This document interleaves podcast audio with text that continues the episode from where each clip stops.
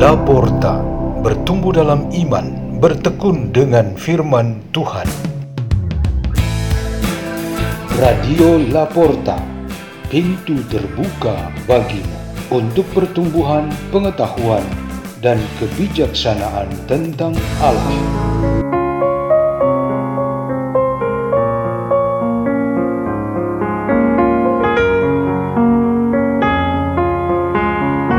Bacaan Bacaan dan Renungan Sabda Tuhan Hari Minggu Paskah kedua 24 April 2022 Minggu Kerahiman Ilahi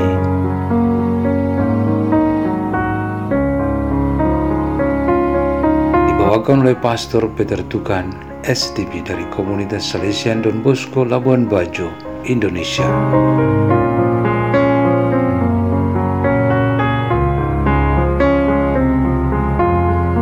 Bacaan dari kisah para rasul bab 5 ayat 12 sampai 16. Pada waktu itu para rasul mengadakan banyak tanda dan mujizat di antara orang banyak. Semua orang beriman selalu berkumpul di serambi Salomo dalam persekutuan yang erat. Orang-orang lain tidak ada yang berani menggabungkan diri kepada mereka. Namun mereka sangat dihormati orang banyak. Makin lama makin bertambahlah jumlah orang yang percaya kepada Tuhan, baik laki-laki maupun perempuan. Bahkan mereka membawa orang-orang sakit keluar ke jalan raya dan membaringkannya di atas balai-balai serta tilam supaya apabila Petrus lewat, setidak-tidaknya bayangannya mengenai salah seorang dari mereka. Juga banyak orang dari kota-kota di sekitar Yerusalem datang berduyun-duyun mereka membawa orang-orang yang sakit dan orang-orang yang diganggu roh jahat dan mereka semua disembuhkan. Demikianlah sabda Tuhan.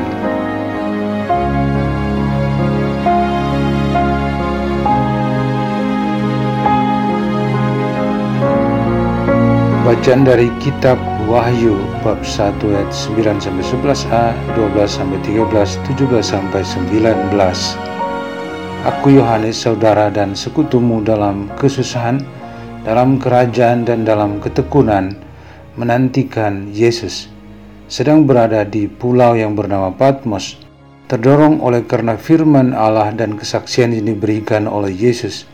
Pada hari Tuhan aku dikuasai oleh roh dan aku mendengar dari belakangku suatu suara nyaring seperti bunyi sangkakala. Kata suara itu, apa yang engkau lihat tuliskanlah di dalam sebuah kitab dan kirimkanlah kepada jemaat di Asia. Lalu aku berpaling, tampaklah kepadaku tujuh kaki dian dari emas. Di tengah-tengah kaki dian itu ada seorang serupa anak manusia, berpakaian jubah yang panjangnya sampai di kaki, dan dadanya berlilitkan ikat pinggang dari emas. Ketika melihat dia, tersungkurlah aku di depan kakinya, sama seperti orang yang mati tetapi ia meletakkan tangan kanannya di atasku, lalu berkata, "Jangan takut, aku adalah yang awal dan yang akhir. Aku adalah yang hidup. Aku telah mati, namun lihatlah aku hidup sampai selama-lamanya, dan aku memegang segala kunci maut dan kerajaan maut. Karena itu tuliskanlah apa yang telah kau lihat, baik yang terjadi sekarang maupun yang akan terjadi sesudah ini." Demikianlah sabda Tuhan.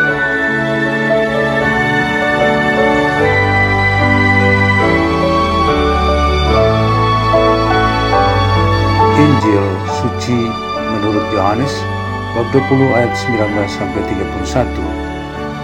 Setelah Yesus wafat disalib pada malam pertama sesudah hari Sabat, berkumpullah murid-murid Yesus di suatu tempat dengan pintu-pintu yang terkunci karena mereka takut kepada orang-orang Yahudi. Pada waktu itu datanglah Yesus berdiri di tengah-tengah mereka dan berkata, "Damai sejahtera bagi kamu." Sesudah berkata demikian, Yesus menunjukkan tangan dan lambungnya kepada mereka. Murid-murid itu bersuka cita karena mereka melihat Tuhan. Maka kata Yesus sekali lagi, damai sejahtera bagi kamu. Sama seperti Bapa mengutus aku, demikian juga sekarang aku mengutus kamu. Dan sesudah berkata demikian, Yesus menghembusi mereka dengan berkata, terimalah roh kudus. Jikalau kamu mengampuni dosa orang, dosanya diampuni. Dan jikalau kamu menyatakan dosa orang tetap ada, dosanya tetap ada. Pada waktu Yesus datang ke situ, Thomas, seorang dari kedua belas murid yang juga disebut Didimus, tidak ada bersama-sama mereka. Maka kata murid-murid yang lain itu kepadanya, "Kami telah melihat Tuhan." Tetapi Thomas berkata kepada mereka, "Sebelum aku melihat bekas paku pada tangannya, dan sebelum aku mencucukkan tanganku ke dalam bekas paku itu, dan mencucukkan tanganku ke dalam lambungnya, sekali-kali aku tidak akan percaya." Delapan hari kemudian, murid-murid Yesus berada kembali dalam rumah itu, dan Thomas bersama-sama dengan mereka. Sementara pintu-pintu terkunci, Yesus datang ia berdiri di tengah-tengah mereka dan berkata, "Damai sejahtera bagi kamu." Kemudian Yesus berkata kepada Thomas, "Taruhlah jarimu di sini dan lihatlah tanganku. Ulurkanlah tanganmu dan cucukkanlah ke dalam lambungku, dan jangan engkau tidak percaya lagi, melainkan percayalah." Thomas menjawab kepadanya, "Ya Tuhan dan Allahku." Kata Yesus kepadanya, "Karena telah melihat aku, maka engkau percaya."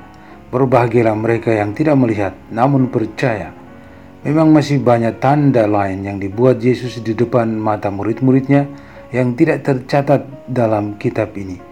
Tetapi semua yang tercantum di sini telah tercatat supaya kamu percaya bahwa Yesuslah Mesias anak Allah dan supaya oleh imanmu kamu memperoleh hidup dalam namanya.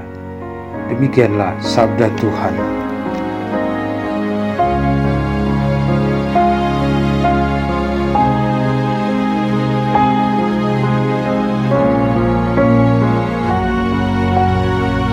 Tema renungan kita pada hari Minggu Paskah kedua ini ialah energi positif.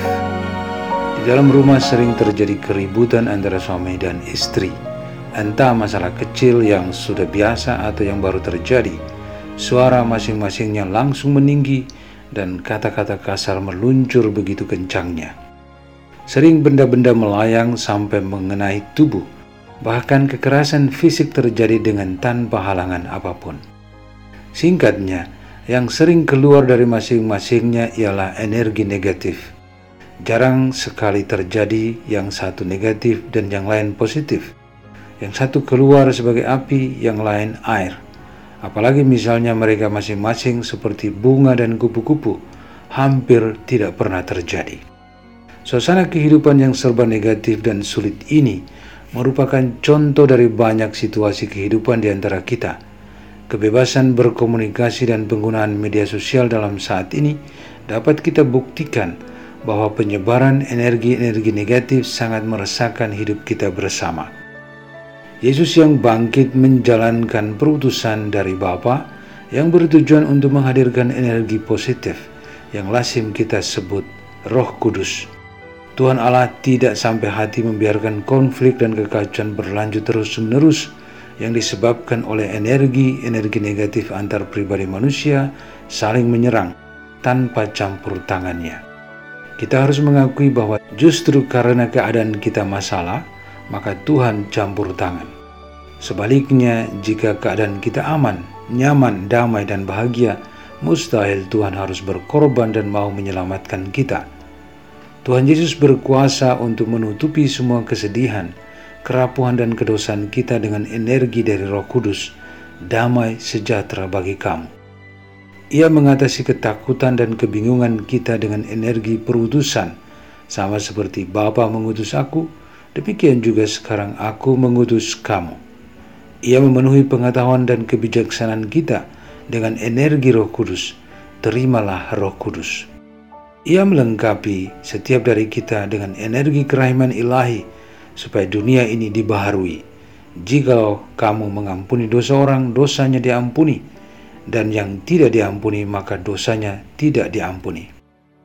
Satu contoh konkret yang menerima energi negatif dan mulia dari Tuhan ialah Rasul Thomas. Contoh lain ialah orang-orang sakit di Yerusalem yang disembuhkan oleh para rasul. Begitu energi Roh Kudus masuk ke dalam diri mereka, hasil yang paling gentara ialah hidup mereka menjadi baru. Hidupnya yang lama ditinggalkan. Energi terbaru ini diungkapkan dengan sangat gamblang oleh Yesus kepada Rasul Yohanes. Aku telah mati, namun lihatlah, aku hidup sampai selama-lamanya. Energi baru kita ialah roh Yesus Kristus yang bangkit. Marilah kita berdoa dalam nama Bapa dan Putra dan Roh Kudus. Amin. Ya Yesus, jadikanlah diri kami pembawa sukacita Paskah sebagai Injil yang hidup kepada sesama kami Bapa kami yang ada di surga dimuliakanlah namamu. Datanglah kerajaan menjadilah kehendakmu di atas bumi seperti di dalam surga. Berilah kami rezeki pada hari ini dan ampunilah kesalahan kami seperti kami pun mengampuni yang bersalah kepada kami. Dan janganlah masukkan kami ke dalam pencobaan, tetapi bebaskanlah kami dari yang jahat. Amin. Dalam nama Bapa dan Putra dan Roh Kudus. Amin. Radio Laporta pintu terbuka bagimu.